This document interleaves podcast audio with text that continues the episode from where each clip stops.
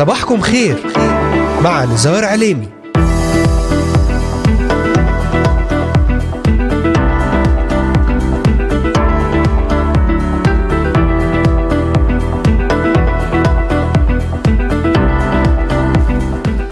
الحادي والعشرون من شهر مارس آذار للعام 2023 المستمعات والمستمعون صباح الخير.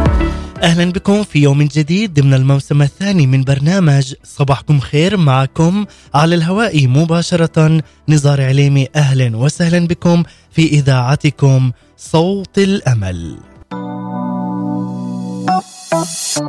تعالي أقولك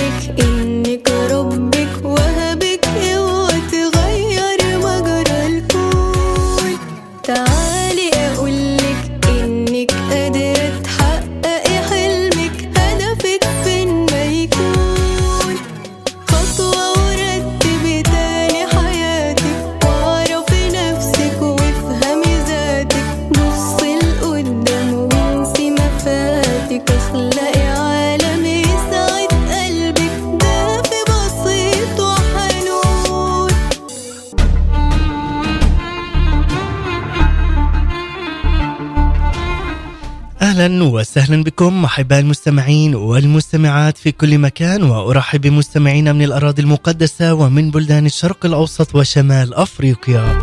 من سوريا، لبنان، مصر، تركيا، الأردن والعراق، ليبيا، اليمن، السعودية والكويت، مستمعينا من أستراليا، أمريكا، ألمانيا، كندا والسويد والذين يتواصلون معنا ويتابعوننا على مختلف منصاتنا الاجتماعية لإذاعة صوت الأمل.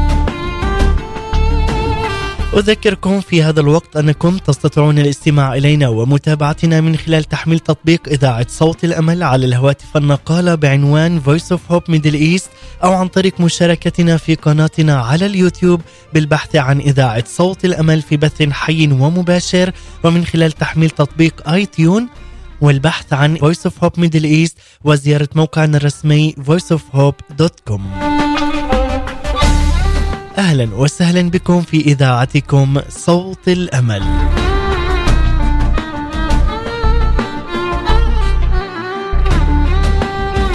في الكتاب المقدس نجد الله يقدم الأم بطريقة سامية جدا، فالأم مقدرة جدا في عيني الله المحب والحنان.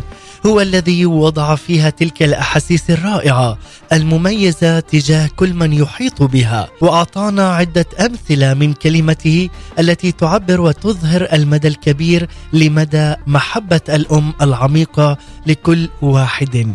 فحين نتكلم عن حنا العاقر التي منح الله صموئيل بعد شقاء وعذاب من تعيير الأقارب والأصدقاء فهي التي أيضا صرخت إلى السماء قائلة يا رب الجنود إن نظرت نظرا إلى مذلة أمتك وذكرتني ولم تنسى أمتك بل أعطيت أمتك زرع بشر فإني أعطيه للرب كل أيام حياته ولا يعلو رأسه. موسى فكم كانت هذه الأم وفية جدا؟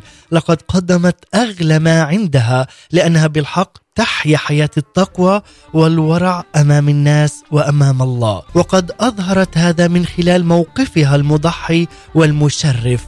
وماذا أيضا نقول عن القديسة المطوبة مريم العذراء التي بكل خضوع وخشوع ومحبة كبيرة قبلت دعوة الله لها؟ حين قال لها الملاك جبرائيل لا تخافي يا مريم لأنك قد وجدت نعمة عند الله وها أنت ستحبلين وتلدين ابنا وتسمينه يسوع.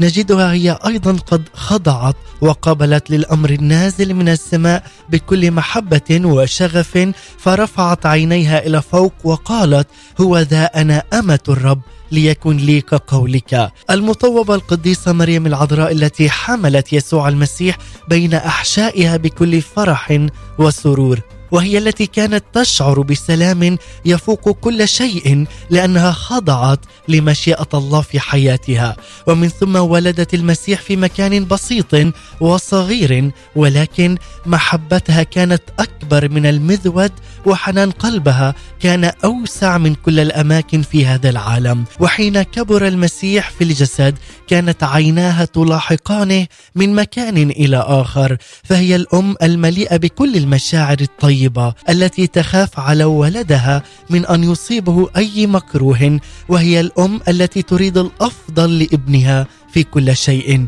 والمستعدة دائما أن تضحي إلى النهاية. لذلك فإن حنان الأم العظيم هو مثال صغير عن محبة وحنان الله لكل واحد وواحدة منا. لنتعلم من خلال هذا اليوم من هذه الأم المضحية والخاضعة الأم المحبة فنقدم كل حياتنا للذي بذل نفسه من أجلنا وهو المخلص الفادي يسوع المسيح. كما تساهم المرأة في بلادنا اليوم في بناء المجتمع في عدة طرق ومجالات.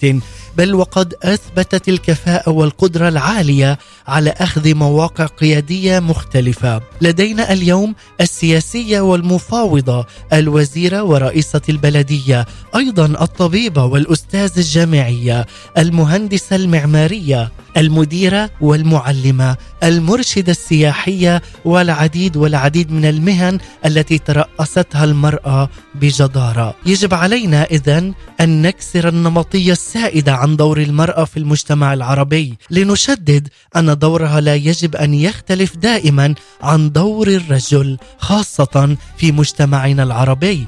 لذلك عندما تكلم الكتاب المقدس عن المرأة الفاضلة قد تكلم عن المزارعه تكلم عن صانعة الملابس والتاجرة تحدث أيضا عن المرأة التي تعتني بالفقراء والمساكين أي أن المرأة الفاضلة بحسب الكتاب المقدس هي ليست فقط الأم التي تعتني ببيتها. بل هي أكثر من ذلك بكثير.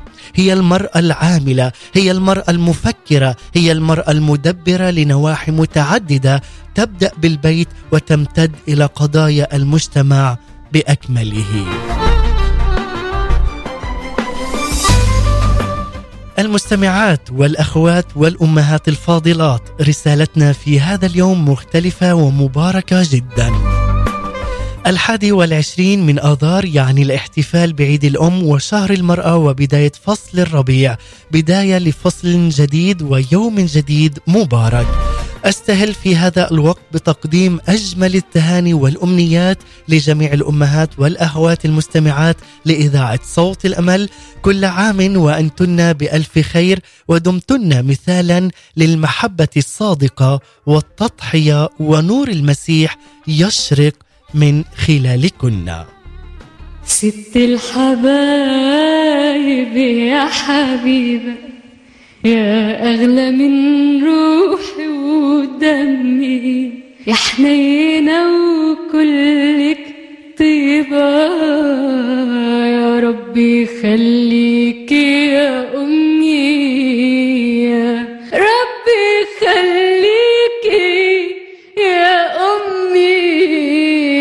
يا ست الحبايب يا حبيبة يا حبيبة حبيبة.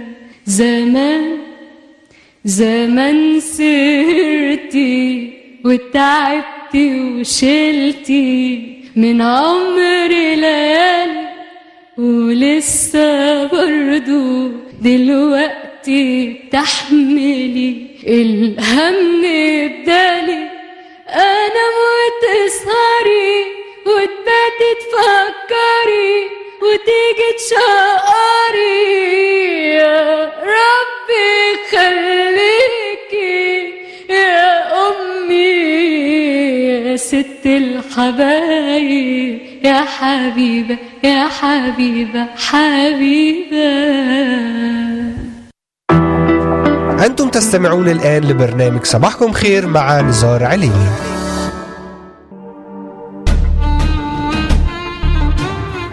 نعم ست الحبايب يا حبيبة كل عام وأنتن بألف خير وبمناسبة عيد الأم أنتن مثالا حيا للمحبة الصادقة والتضحية.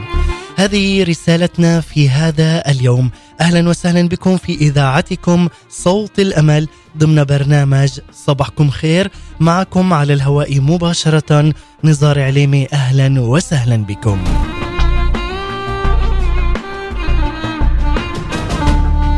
سنتعلم في هذا اليوم حول المرأة في الكتاب المقدس وخاصة المرأة في الخليقة وأيضا في العهد القديم والجديد وماذا يعني دور الأم أيضا في كل من العهد الجديد والقديم في الكتاب المقدس ونتعلم أيضا من بعض القائدات وأيضا الأمهات الرائعات والشخصيات المباركات التي تم ذكرهن في الكتاب المقدس.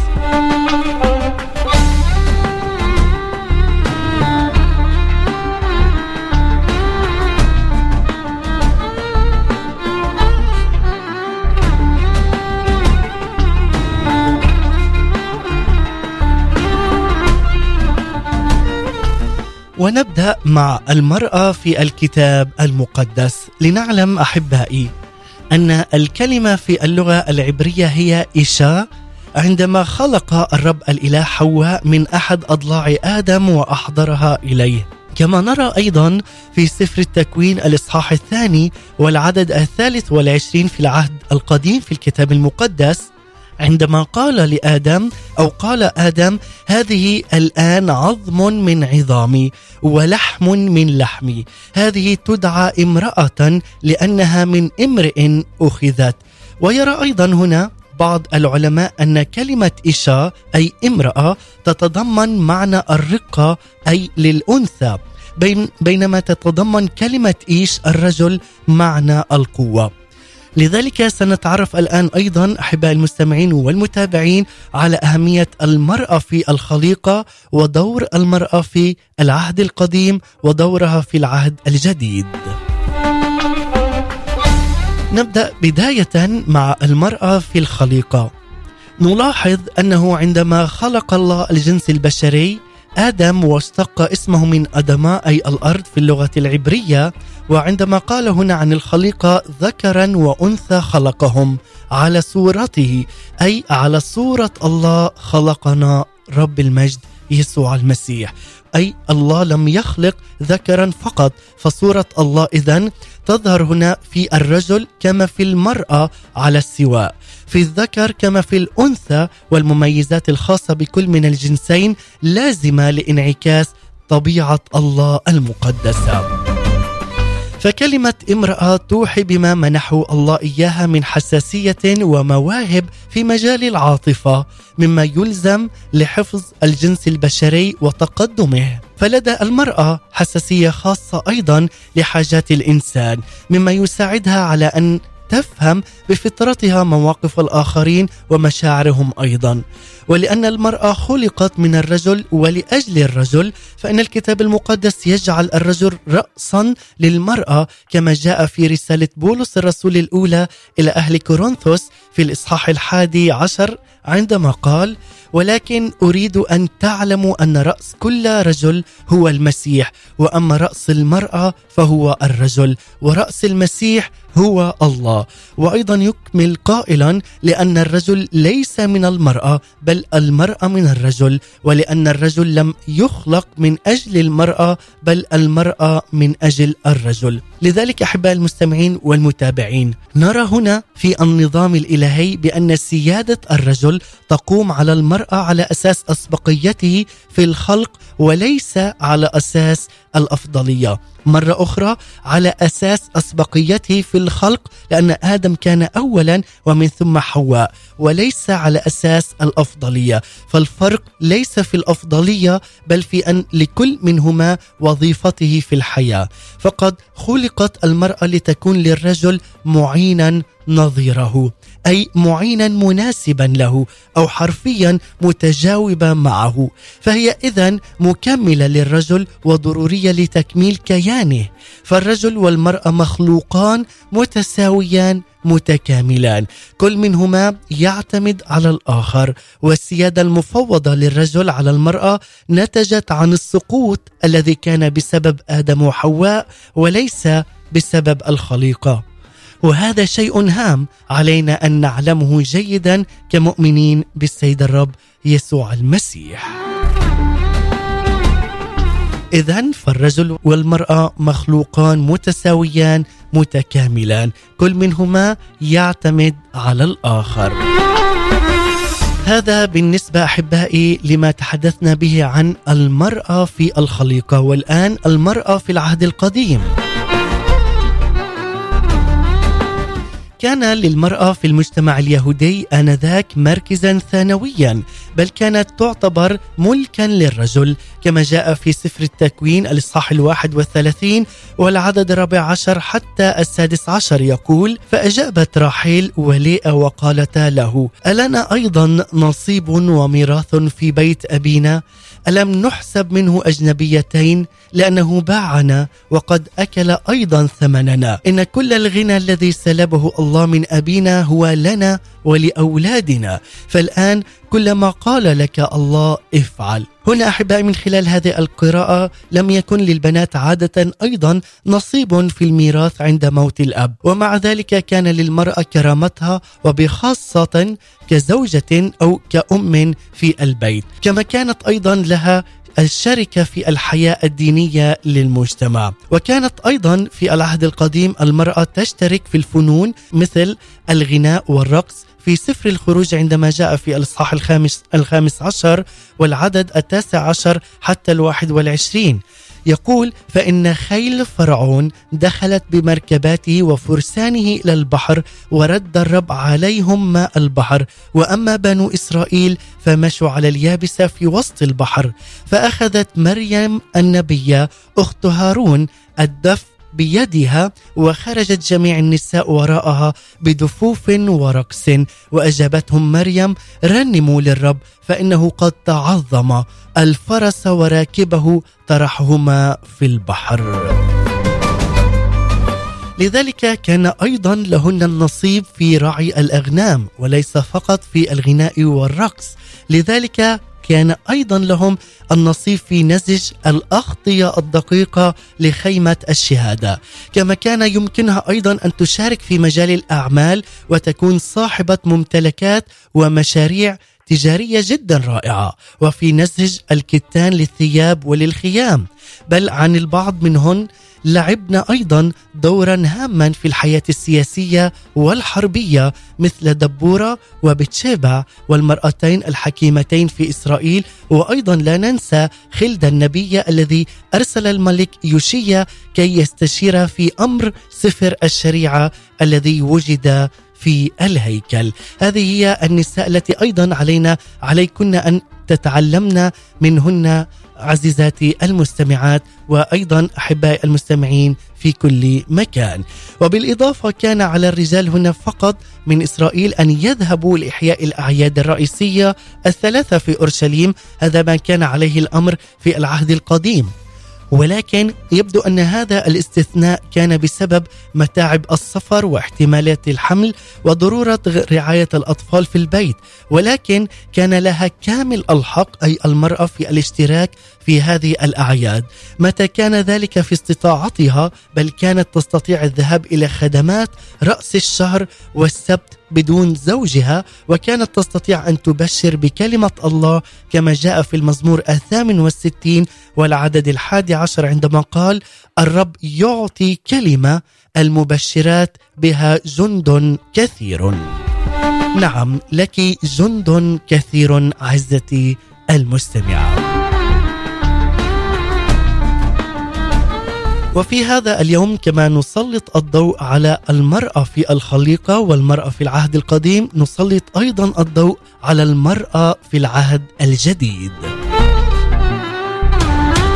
لقد أحدث إنجيل المسيح ثورة حقيقية في مركز المرأة وكانت هنا نقطة البداية. انعام الله على العذراء مريم المطوبة القديسة باختيارها لتكون أمة الرب يسوع المسيح عندما قالت مريم هو ذا أنا أمة الرب.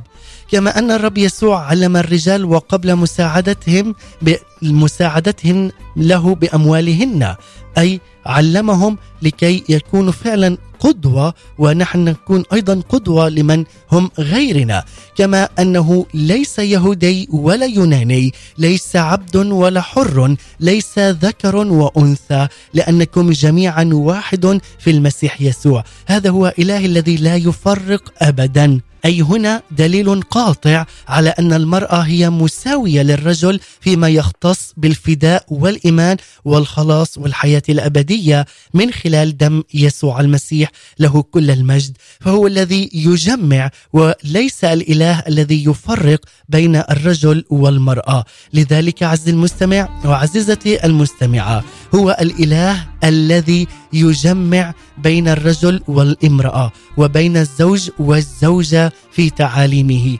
لذلك علينا أن نحترز جيدا لمن نصغي ولمن تصغي آذاننا ولمن نسمع ولمن نتبع وبمن نسترشد طريق الحق والهدى. لأنه ليس كل تعليم هو تعليم صالح وليس كل نبي هو من عند الله. لنبحث جيدا عن هذا الإله الذي لا يفرق بل يجمع على المحبة والمساواة وهو الذي يجمع ما بين الطرفين وما بين الزوج والزوجة وما بين أيضا الامرأة والرجل وخاصة نتحدث هنا عن الزوجين ليعيشا حياة مكرمة مكرسة وحياة مباركة.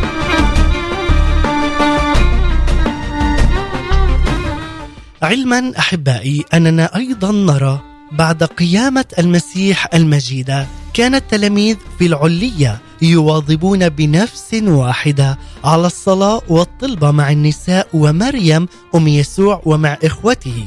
وقد حل عليهن الروح القدس أي حل عليهم الروح القدس كما على سائر التلاميذ. مرة أخرى وقد حل عليهن الروح القدس كما على سائر التلاميذ في يوم الخمسين وفي أيام الكنيسة الأولى كانت النساء دائما في مقدمة من يؤمنون بالرب يسوع المسيح. كما أيضا كانت ليديا وبريسكيلا وفيبي مساعدات للرسول بولس في خدمته كما كانت هناك كنائس في بيوتهن. لذلك في هذا اليوم تعالي عزيزتي المستمعة وتأكدي أن لك دور هام وكبير في خدمة السيد الرب يسوع المسيح. تعالي وانشري كلمة المسيح أمام صديقاتك وأمام الآخرين لتعلمي أيضا عن إلهك عن حبيبك عن ربك ومخلصك وهو السيد الرب يسوع المسيح. لأنه كما كان أيضا للمرأة للبركة أيضا كان لها البركة في أن تصلي أو حتى تتنبأ في دوائر خاصة مثل المذبح العائلي أو بين الأخوات أو في مدارس الأحد مثلا في رسالة بولس الرسول الثانية إلى تيموثاوس الإصحاح الأول من العدد الثالث حتى العدد الخامس قائلا هنا إني أشكر الله الذي أعبده من أجدادي بضمير طاهر كما أذكرك بلا انقطاع في طلباتي ليلا ونهارا مشتاقا أن أراك ذاكرا دموعك لكي أمتلئ فرحا إذ أتذكر بالإيمان العديم الرياء الذي فيك الذي سكن اولا في جدتك لؤيس وأمك أفنيك ولكني موقن أنه فيك أيضا. وأنا موقن أنه أيضا هذا الإيمان فيك وبك ويعمل من خلالك أيتها الأم العظيمة وأيتها أيضا الأخت العظيمة جدا. لنكرس أنفسنا وذواتنا لنكون فعلا للسيد الرب يسوع المسيح خاضعين وأيضا منصتين جيدا لكلمة الرب يسوع المسيح في حياتنا. وأن نعمل بها وأن نعلم أن فعلا قد ميزنا السيد الرب يسوع المسيح وميزكن أنتن أنتن أيضا أيتها السيدات والأمهات الفاضلات لأنكن محبات وحبيبات على قلب السيد الرب يسوع المسيح. قبل أن نكمل وإياكم دعونا نستمع إلى هذه الترنيمة الرائعة والمباركة مع المرنمة مريان اسكندر ترنيمة عشانك يا أمي ومن ثم نعود ابقوا معنا.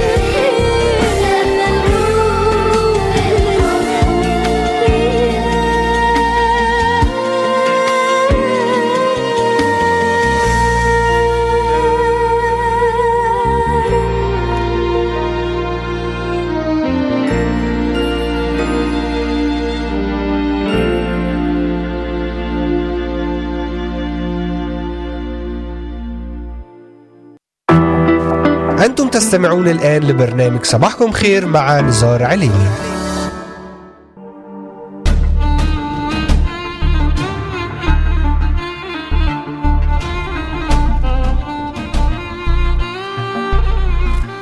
نعم عودة من جديد إليكم أحبة مستمعي ومتابعي إذاعة صوت الأمل وقد استمعنا إلى هذه الترنيمة الرائعة عشانك يا أمي مع المرنمة ماريان اسكندر وفعلا نقول يا رب بارك كل أم وبارك كل أب واملى البيوت بالخير والحب يا رب.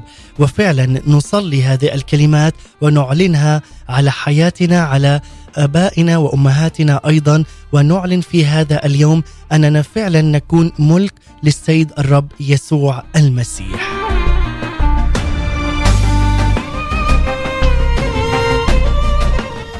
لذلك أحبائي في رسالتنا الخاصة في هذا اليوم نتحدث عن انتن مثالا حيا للمحبة الصادقة والتضحية، كل عام وانتن بألف خير بمناسبة عيد الأم، كل عام وجميع المستمعات والأخوات الفاضلات بألف خير. واهلا وسهلا بكم في إذاعتكم صوت الأمل من الأراضي المقدسة. معكم على الهواء مباشرة نزار عليمي أهلا وسهلا بكم. قبل هذا الفاصل وهذه الترنيمة التي استمعنا إليها تحدثنا وإياكم عن المرأة في دورها من خلال الخليقة ودور المرأة أيضا في العهد القديم ودور المرأة في العهد الجديد. أما الآن أحبائي فنكمل وإياكم في هذا الوقت بهذا الشق الثاني لنتعلم أكثر في رسالتنا لهذا اليوم بما أننا نحتفل اليوم بعيد الأم وبهذه المناسبة الخاصة نتحدث عن هذه الرسالة انتن مثالا حيا للمحبة الصادقة وأيضا التضحية. نحتفل بعيد الانسانه الأولى في حياة كل واحد وواحد وواحدة منا. نكرم ونوقر اليوم الأم التي شكلت طفولتنا وجعلتنا على ما نحن فعلا عليه الآن. ولأنه عيد الأم فمن الطبيعي بالنسبة لنا أيضا كمؤمنين مسيحيين حقيقيين أن نحتفل مثل بقية الناس بهذا العيد. ولكننا اليوم نحتفل بطريقة مختلفة عن أهل العالم. نحتفل كمسيحيين بالأم ونحن واضعين أمام أعيننا مخافة الله تعاليم الله وما يتوقعه الله من الأم فنحن لا نستطيع أن نحتفل بالأم إن لم نعرف ونسترجع معا ما يقوله الكتاب المقدس عن الأم وما دور وأهمية الأم في هذا العالم. نتحدث الآن حول الأم في الكتاب المقدس من خلال شقين، اولا وضع الأم في العهد القديم وكم وما كان وضع الأم في العهد الجديد. نبدأ وإياكم مع وضع الأم في العهد القديم. في العبرية أم لا نجد في الكتاب المقدس شيئا شبيها بوضع المرأة، أي باعتبارها أدنى من الرجل. وخاصة في المجتمعات الشرقية فوضعها كما نراه في الكتاب المقدس يختلف عن ذلك كثيرا فنجد النساء في الكتاب المقدس على نفس المستوى الاجتماعي للرجال بل كثيرا ما شغلنا مراكز قيادية وريادية كبيرة وأيضا حب الذرية عميق الجذور في قلب المرأة العبرانية. هذا ما كان أيضا في العهد القديم ولذلك كانت للأمومة أرفع منزلة. وفي عصر الآباء كانت الأمهات أيضا تشتغلن مكانا بارزا فعند زواج رفقة يبدو أنه كان لأمها رأي في ذلك مع أبيها بتوئيل وأخيها لبان. عندما قال أيضا يعقوب وسمع لأبيه وأمه بل كانت أمه هي مشيرة الأولى له وقد أمر الناموس بإكرام أيضا الأب والأم. هذا ما كان بالنسبة للأم في العهد القديم. أما الأم في العهد الجديد نجد هنا نفس الشيء أيضا في العهد الجديد ولكن نفس المستوى الرفيع للمرأة نفس الاحترام والتوقير للأم. منذ ولادة المسيح سما بمقام الأمومة إلى أرفع مكانة. مرة أخرى عند ولادة المسيح من القديسة المطوبة مريم العذراء فقد سما بمقام الأمومة وأيضا كل امرأة وأخت إلى أرفع مكانة جدا عالية وجعله قبلة الأنظار. وآخر شيء عمله يسوع المسيح على الصليب هو أنه عهد بأمه ليوحنا الحبيب كوديعته الغالية وما وصلت إليه المرأة اليوم من تقدير وتبجيل إنما يعود إلى المكانة السامية التي يضعها فيها الكتاب المقدس وأيضا رفعها ورفع مكانة المرأة. لذلك أنت محبوبة أنت غالية أنت ثمينة جدا في عيني. السيد الرب يسوع المسيح هو الذي أحبك إلى المنتهى هو الذي أيضا كرمك ورفع من شأنك. هو وحده رب المجد يسوع المسيح خالقك الذي أعطاك وأعطى كل واحد فينا سلطان لكي نكون أولاد رب المجد يسوع المسيح له كل المجد.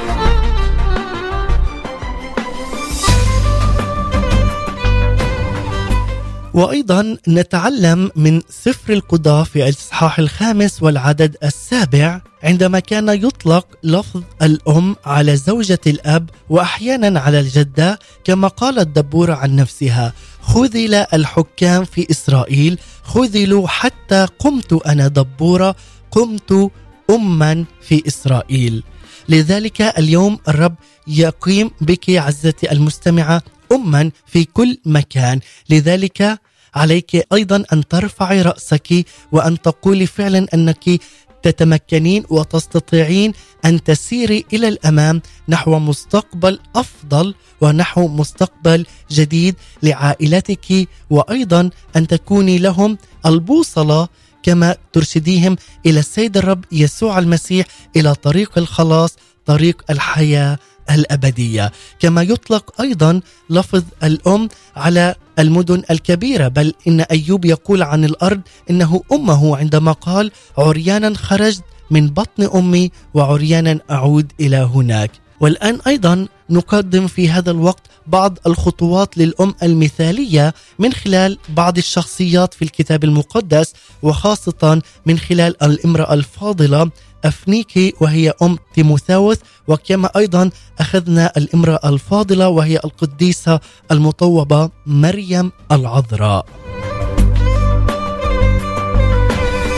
لذلك على كل أم أن تقبل الرب يسوع المسيح مخلصا شخصيا لحياتها. لنلاحظ أحبائي هنا عندما يقول وأنك منذ الطفولة أي الطفولية تعرف الكتب المقدسة القادرة أن تحكمك للخلاص بالإيمان الذي في المسيح يسوع. هنا ما جاء أن تيموثاوس عرف طريق الخلاص بالإيمان من خلال الكتب. وهذه الكتب تعلمها منذ الطفولة أي على يد أمه أفنيكي. أي أن أفنيكي علمت طريق الخلاص لابنها. ولا يعلم أي أحد هذا الطريق إلا منذ الولادة ولا يعلمه إلا الأم عندما تعلم أولادها على هذه الطريق. لذلك لا يعلم طريق الخلاص لغيره إلا الذي حصل اولا على هذا الخلاص. لذلك أمه أفنيكي قد حصلت على هذا الخلاص. لذلك أعطت أيضا هذا الطريق لولدها تيموثاوس. لذلك كانت أفنيكي مؤمنة مخلصة لسيدها ولربها. ولذلك ربت ابنها في هذا الطريق الصحيح لمعرفة الرب.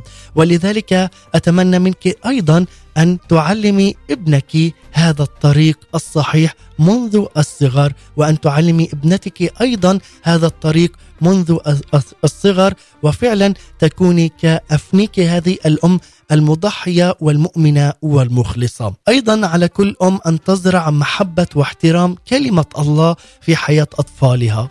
مرة أخرى علينا أن نلاحظ هنا عبارة منذ الطفولية تعرف الكتب المقدسة مرة أخرى منذ الطفولية تعرف الكتب المقدسة هنا ماذا يعني أن كلمة طفولية وهي تعني في اللغة العربية التي ترجمت أيضا للكلمة اليونانية وهي بريفوس وتعني رضيع أي الكلمة التي تشير إلى أيام الولادة أي إلى الطفل المولود حديثا. ماذا يعني من هذا الكلام؟ يعني أن هنا افنيكي كانت قد بدأت بقراءة الكتاب المقدس لابنها تيموثاوس منذ اللحظة الأولى من ولادته. وهذه دعوة للأمهات لكي يتعلمن أصول تربية الأطفال بطريقة مسيحية صحيحة من أفنيكي. هذه الأخت التي عاشت قبل أكثر من ألفي عام لذلك اصرفي أيتها الأم الأم وقتا مباركا مع أطفالك. أظهري لهم المحبة الإلهية وعلميهم طريق السيد الرب يسوع المسيح. وصلي من أجلهم في كل يوم. تحدثي معهم أخبريهم عن محبة الله التي تجلت على الصليب وأيضا عن مدى روعة وجمال الإله الحي يسوع المسيح. ساعديهم أيضا في فهم الحياة وحل لهم أيضا أيامهم من خلال الكلمة المقدسة وارشديهم في طريق الحق والخير وطريق السيد الرب يسوع المسيح له كل المجد. قبل أن نختتم وإياكم ابقوا معنا. نستمع إلى هذه الترنيمة الرائعة مع المرنمة داليا فريد بحبك يا أمي ومن ثم نعود. وأنا أيضا أهديها لوالدتي ولكل المستمعات والأخوات اللواتي يستمعون إلى إذاعة صوت الأمل. لنستمع ومن ثم سنختتم بعد هذه الترنيمة.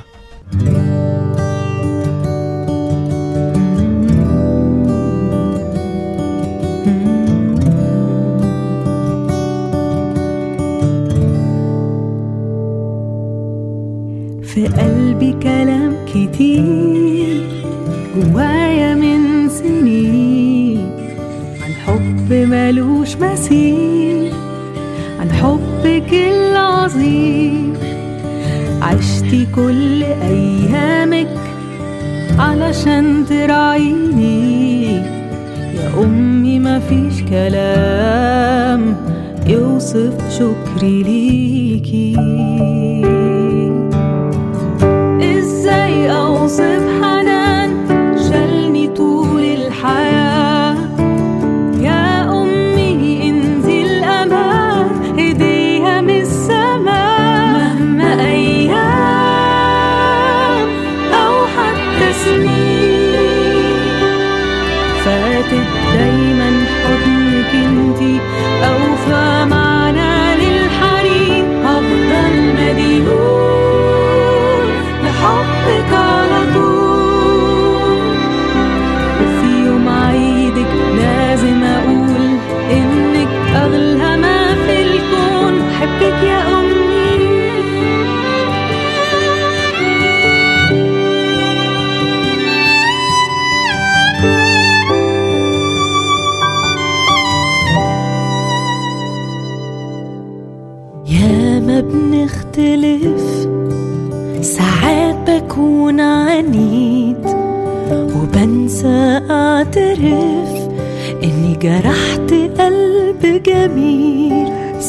سامحيني مهما كان كلامي في يوم قاسي يا أمي مفيش محبة زيك في حياتي. في حياتي.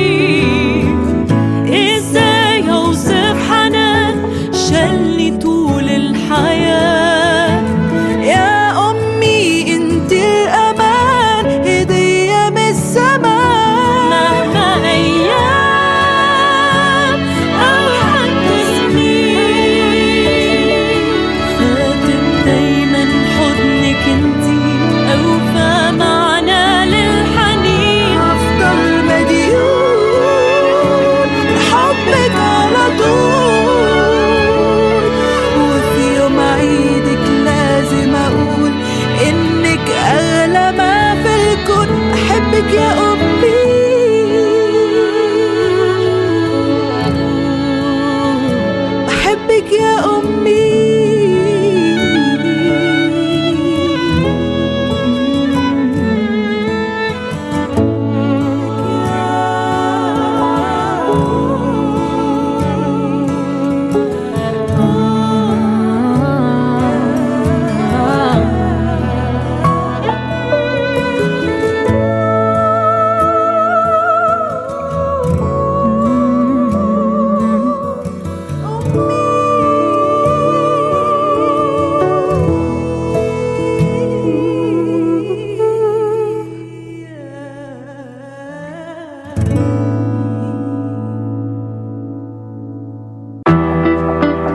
تستمعون الآن لبرنامج صباحكم خير مع نزار عليني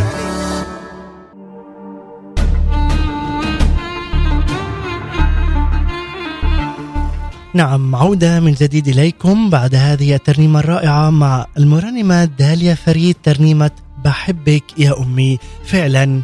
وهذه أيضا رسالة لكل الأمهات ونقول لهن في هذا اليوم وفي كل يوم أننا فعلا نحبهن وأيضا لنزرع هذه الكلمات في أفواه أطفالنا ونعلمهم على أيضا محبة الآباء والأمهات. ولذلك أنتن مثالا حيا للمحبة الصادقة والتضحية. كل عام وأنتن بألف خير. ونحن نختتم هذه الحلقة بمناسبة عيد الأم وهي حلقة خاصة جدا.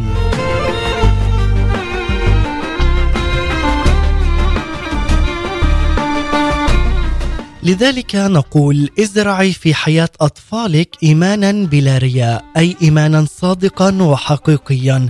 كما وصف بولس الرسول في رسالته الثانية إلى تيموثاوس الإيمان الذي كان في حياته وحياة أمه وجدته قائلا بأنه الإيمان العديم الرياء.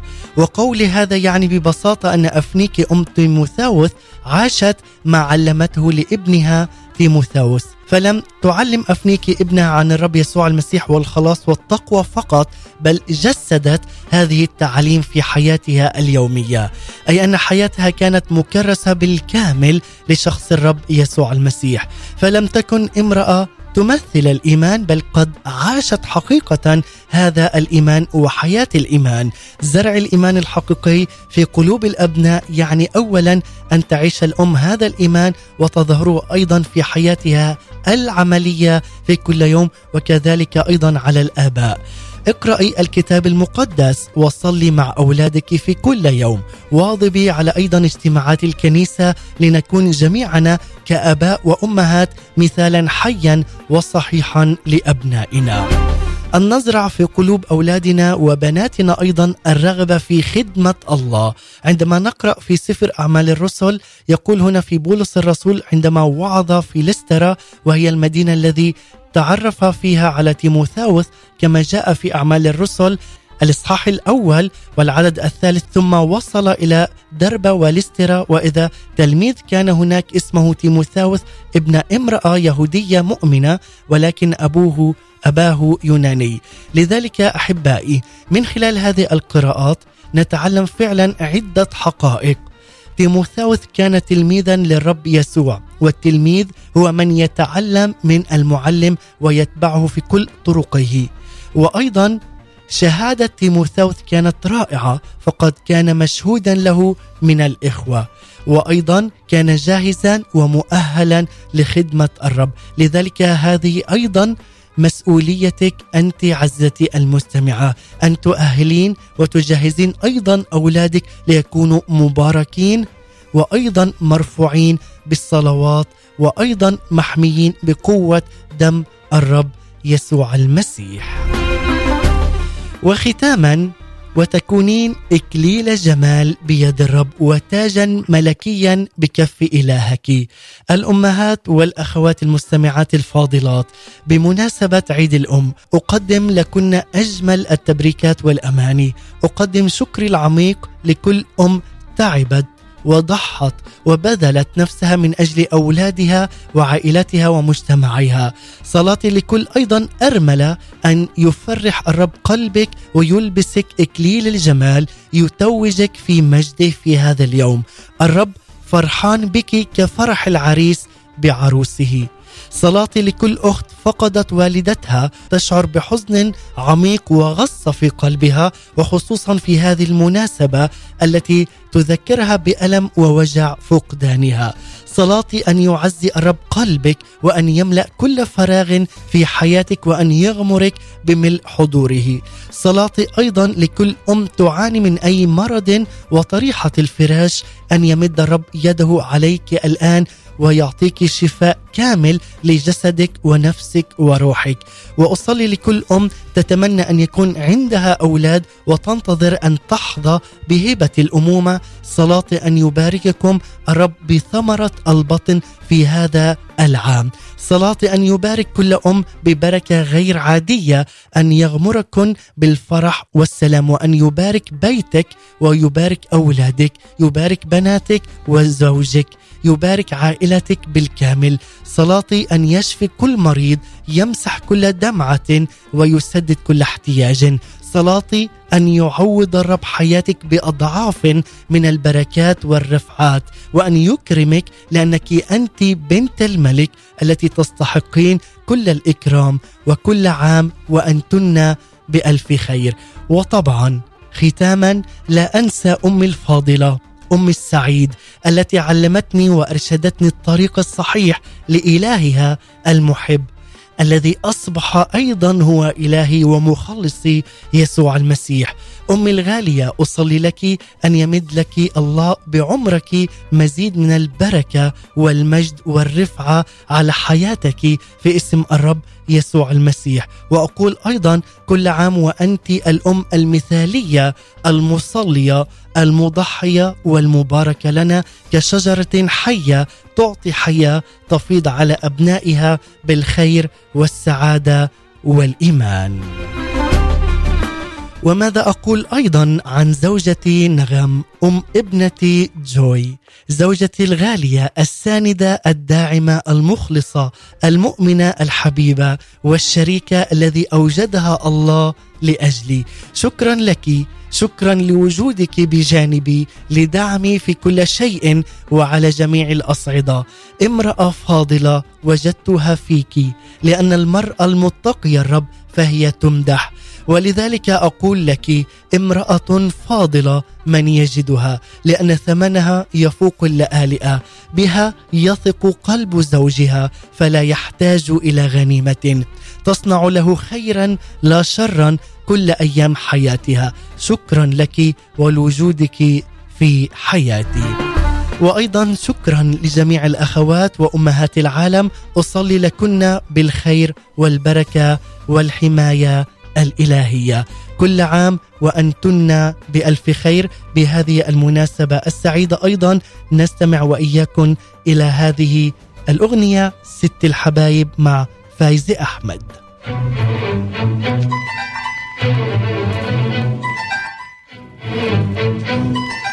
كل عام وأنتن بألف خير. ختاما لهذه الحلقة الحلقة الخاصة جدا بمناسبة عيد الأم. أتمنى لكن عيدا سعيدا ومباركا. هذه تحيتي لكم مني. أنا نزار عليمي. كان معكم على الهواء مباشرة من خلال برنامج صباحكم خير على إذاعة صوت الأمل. سلام المسيح. تحيتي لكم. إلى اللقاء. ست الحبايب يا حبيبة يا أغلى من ست الحبايب يا حبيبة يا أغلى من روحي ودمي يا حنينة وكل كتيبة يا ربي خليك يا أمي. يا ربي خليكي يا أمي. يا ست الحبايب يا حبيبة حبيبة. يا حبيبة. وحبيبة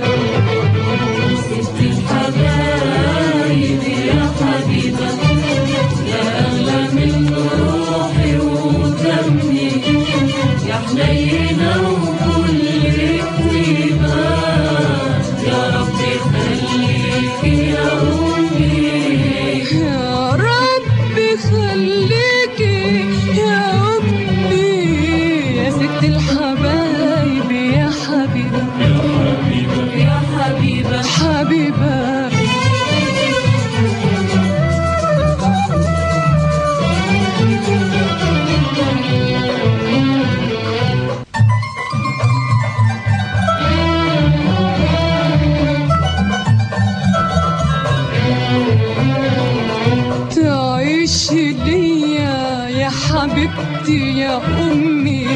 وتدوم برضاك ده أنا روحي من روحك. أنت وعايشة من سر دعاك.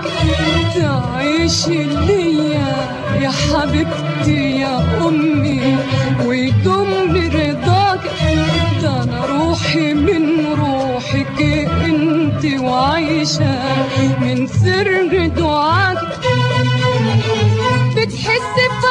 بفرحتي قبل اللي أنا بسنة بتحس بفرحتي قبل اللي أنا بسنة وتحس بشكوتي من قبل ما أحس أنا. يا ربي خليكي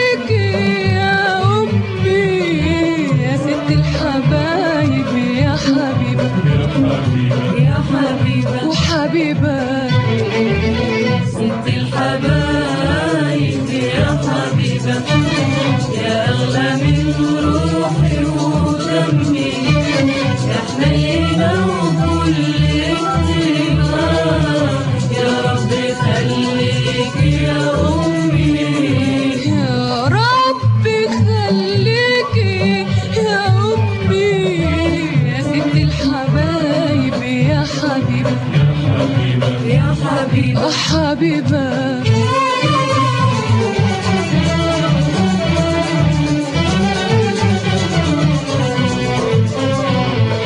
لو عشت طول عمري أوفي جمايلك الغالية علي. أجيب منين عمري كفي ولاقي فين أغلى هدية؟ لو عشت طول عمري أوفي جمايلك الغالية علي. هجيب منين عمري كفي ولاقي فين أغلى هدية؟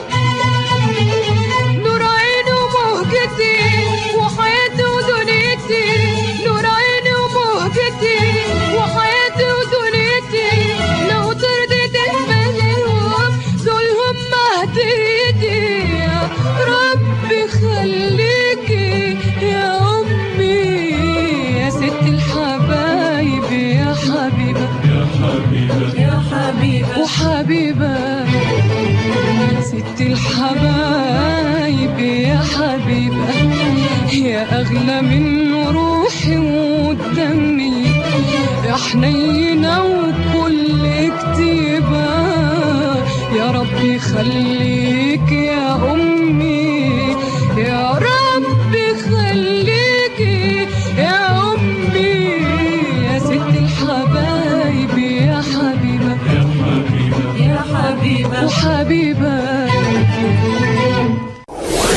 قال يسوع من يسمع كلامي ويؤمن بالذي ارسلني فله حياه ابديه Jesus said, Whoever hears my word and believes he who sent me has eternal life. إذاعة صوت الأمل The Voice of Hope